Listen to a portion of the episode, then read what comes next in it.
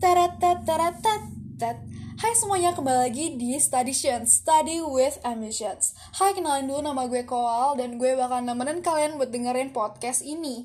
Nah, pertama-tama gue berterima kasih banyak sama teman-teman gue di Twitter dan di Telegram yang udah mau support gue, udah mau ngasih semangat ke gue, yang udah mau dengerin podcast ini juga tentunya. Ya terima kasih banyak buat kalian dan terutama ke temen gue namanya Adel.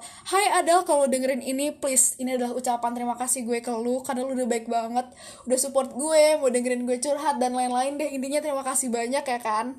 Nah, sesuai request kalian di Twitter, kalian banyak banget request ke gue untuk bahas sejarah. Nah, hari ini gue bakal bahas tentang peristiwa pasca kemerdekaan. Nih, eh, by the way, pelajaran sejarah itu adalah pelajaran yang paling gue suka loh ya kan. Jadi, tanpa basi-basi, lebih banyak kita coba aja kali ya bahas.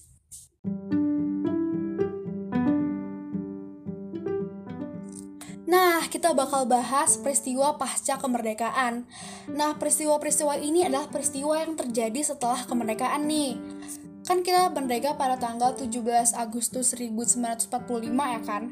Nah, terus peristiwa-peristiwa ini adalah peristiwa yang terjadi setelah itu. Apa sih yang kita lakukan setelah kita melakukan proklamasi? Gak mungkin diem doang dong, karena negara kita bisa dibilang baru lahir. Jadi ini adalah pembahasannya. Yang pertama ada kehidupan politik pasca proklamasi. Pada tanggal 18 Agustus 1945, sehari setelah proklamasi RI, PPKI, Partai Persiapan Kemerdekaan Indonesia, mengadakan sidang pertama PPKI mengenai pengesahan dan penetapan UUD 1945 memilih Soekarno sebagai presiden dan Muhammad Hatta sebagai wapres dan membentuk KNIP Komite Nasional Indonesia Pusat. Lalu pada keesokan harinya, tanggal 19 Agustus 1945, ada sidang kedua PPKI yang menghasilkan Pertama, Indonesia terdiri menjadi 8 wilayah, Sumatera, Jawa Barat, Jawa Tengah, Jawa Timur, Sunda Kecil atau Nusa Tenggara, Maluku, Sulawesi, dan Kalimantan. Nah, setelah itu uh, ada pembentukan departemen dan penunjukan para menteri. Lalu ketiga adalah masalah pertahanan negara. Jadi di sini dibahas nih kita pertahanan negara kita mau kayak gimana gitu.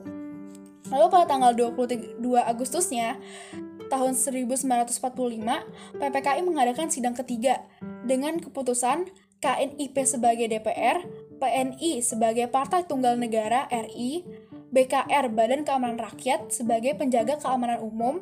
Nah, KNIP ini diketuai oleh Kasman Singo Dimejo dan Suwiryo sebagai sekretaris sebagai sebagai sekretarisnya sorry rada belibet tadi dengan beranggotakan 136 orang gitu dari seluruh Indonesia Lalu dikeluarkan maklumat pemerintah agar pemerintah RI tidak dianggap diktator.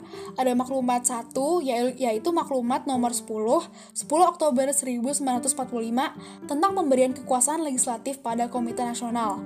Kedua, maklumat 3 November 1945 tentang pembentukan partai politik. Lalu yang ketiga ada maklumat 14 November 1945 tentang perubahan sistem pemerintahan dari presidensial ke parlementer. Nah, setelah setelah keluarnya maklumat, nah si Sultan Syahrir menjadi perdana menteri pertama. Wow, keren banget. Terus pada tanggal 25 November 1945 ada rapat pleno KNIP yang menghasilkan keputusan mengenai kedudukan Komite Nasional, pembentukan partai-partai dan kebijakan politik luar negeri. Oke, selesai dengan kehidupan politiknya. Lalu kita bakal bahas ke keamanan negaranya nih, menyusun kekuatan keamanan negara. Pada tanggal 28 Ag 22 Agustus, bukan 28 ya, 22 Agustus 1945, BKR itu didirikan, dipimpin oleh Kaprawi dan anggotanya adalah mantan-mantan Heyo dan Peta. Jadi kan dulu Heyo dan Peta dibuat oleh Jepang untuk membantu Jepang dalam perang kan. Nah, si Heyo dan Peta ini mantan-mantannya itu uh, jadi anggota BKR gitu. Lalu pada tanggal 5 Agustus 1945, TKR didirikan oleh Supriyadi. Namun, Supriyadi tidak kunjung datang karena tidak diketahui kabarnya.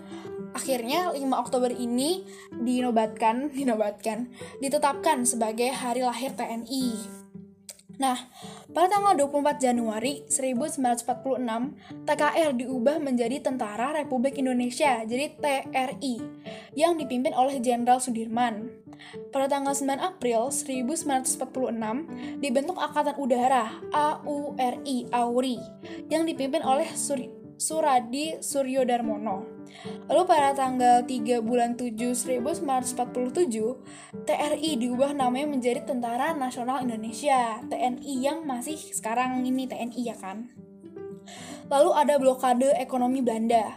Terjadi blokade ekonomi Belanda yang dilakukan oleh Belanda yang menimbulkan kegelisahan rakyat. Nah, pemerintah memperlakukan mata uang dari De Javasche Bank, pemerintah Hindian Belanda, dan Jepang.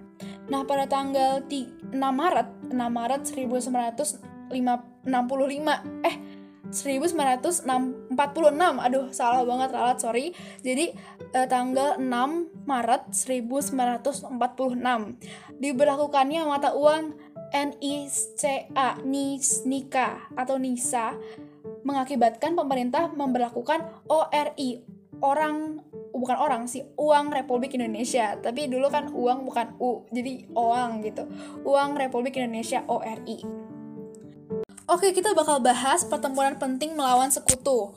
Nah, yang pertama ada pertempuran Surabaya pada tanggal 10 November 1945. Penyebab pertempuran ini adalah terbunuhnya Malabi, lalu banyak orang Belanda yang mengibarkan bendera Belanda.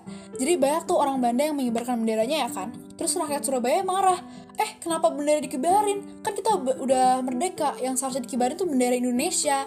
Jadi kalau kalian tahu ada peristiwa yang sangat ikonik, jadi Bung Tomo dia merobek uh, warna biru di bendera Belanda dia robek jadi diganti jadi Indonesia ya kan warna merah putih birunya dirobek jadi merah putih gitu.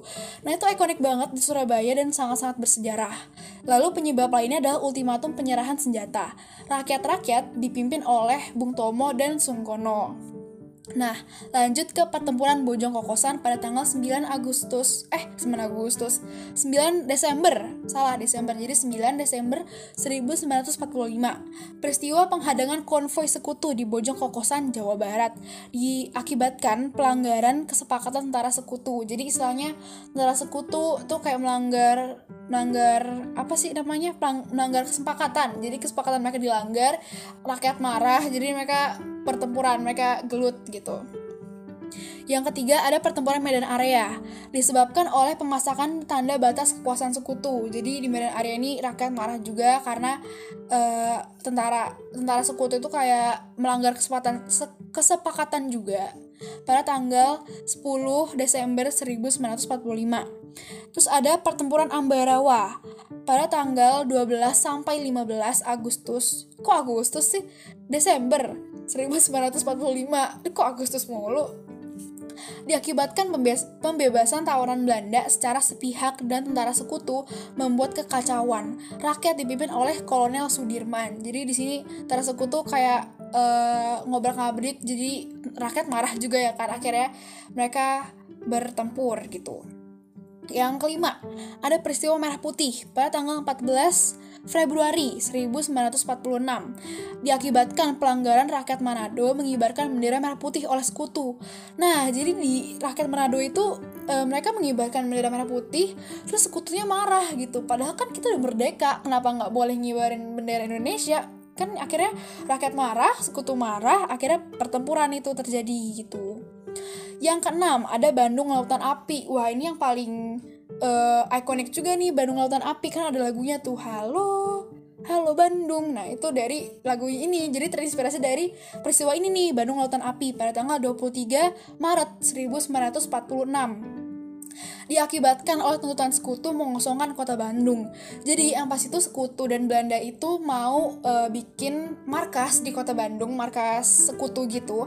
Tapi karena rakyat nggak sudih, rakyat nggak mau, jadi akhirnya rakyat sebelum meninggalkan kota Bandung, jadi kota Bandung dibakar sama rakyat gitu biar uh, sekutu dan si Belanda nggak ke situ, nggak buat jadiin Bandung itu adalah markas mereka. Jadi akhirnya mereka bakar. Lalu si ada namanya Muhammad Toha, dia gugur karena ledakan gudang mesiu. Jadi ada gudang mesiu itu kayak apa ya? Setahu aku sih kayak ada bubuk peledak gitu. Jadi karena kota Bandung terbakar, jadi mesiu terbakar akhirnya itu pabrik meledak, akhirnya uh, Toha gugur atas ledakan itu. Nah, lalu ada Puputan Margarana pada tanggal 29 November 1946. Belanda datang ke Bali karena sesuai perjanjian Linggarjati, Bali tidak menjadi bagian dari RI. Rakyat Bali marah dan melawan Belanda yang dipimpin oleh I Gusti Ngurah Rai. I Gusti Ngurah Rai. Nah, jadi Belanda tuh datang kan ke Bali, ucuk ucuk ucuk ucuk, hai Bali gitu. Kamu saya jajah ya gitu. Uh, rakyat Bali nggak mau, ya nggak mau nggak mau, sana kamu pergi gitu. Kita mau jadi Indonesia gitu. Akhirnya pertempuran terjadi dan rakyat dipimpin oleh I Gusti Ngurah Rai pada tanggal 29 November 1946. Lalu ada Kerawang Bekasi pada tanggal 19 Desember 1945. 1945 apa 46 ya bentar-bentar. Aku cari aku cari tahu dulu biar tidak salah kasih tahu. um, bentar. Oke, okay, aku udah nemu ini jadi itu tanggal itu benar tahun 45 ya kan. Oke. Okay. Karawang Bekasi. Sekutu melancarkan serangan udara terhadap kota Karawang dan Bekasi. Dan rakyat Bekasi yang melawan dipimpin oleh KH Nur Ali. Belanda melakukan pembunuhan massal kepada penduduk Rawa Gede Karawang yang dikenal sebagai peristiwa Rawa Gede. Jadi Belanda mau menguasai lagi, jadi akhirnya dibunuh-bunuhin juga, jahat banget gitu ya kan. Sekutu dan Belanda akhirnya um, ada namanya peristiwa rawa gede. Jadi pembunuhan massal gitu sedih banget ya kan. Oke. Okay. nah karena sebenarnya ini ini panjang jadi aku bakal bikin part 2 nya abis ini. Jadi biar kalian nggak bosan sama ngantuk juga karena ini soalnya ada yang pertempuran-pertempuran ada yang perjanjian-perjanjian ada perundingan. Jadi kayak uh, mempertahankan RI itu ada dua cara. Ada bukan dua cara sih ada dua jalur. Ada jalur kekerasan atau pertempuran ada jalur perundingan. Nah abis ini aku bakal bahas perundingan-perundingan perundingan-perundingan dan beberapa peristiwa-peristiwa pertempuran lainnya yang belum aku bahas di sini. Terima kasih buat kalian yang udah ngikutin sampai sini. Terima kasih banget dan sorry banget kalau aku udah salah kata atau ralat tadi tolong koreksi aku aja. Correct me if I'm wrong dan boleh DM aku di Twitter buat nanyain materi minta materi atau apa request request juga boleh gitu. Dan aku bakal upload part 2 nya besok bener-bener kayak besok bener besok tanggal 9 Maret 2021 Ingat ya, ingetin aku, aku bakal bener upload besok Gak bakal ada tunda-tunda lagi. Karena abis ini aku mau next lanjut belajar juga ya kan? Biar kalian gak bosan juga dengerin aku Jadi aku bagi jadi dua part. Tapi ini bakal aku itu jadi satu podcast kok, tenang aja. Jadi aku bakal upload 4 kali minggu ini. Wow, semangat semuanya. Jadi uh, kalian gak boleh pantang menyerah Dan have a nice day. Bye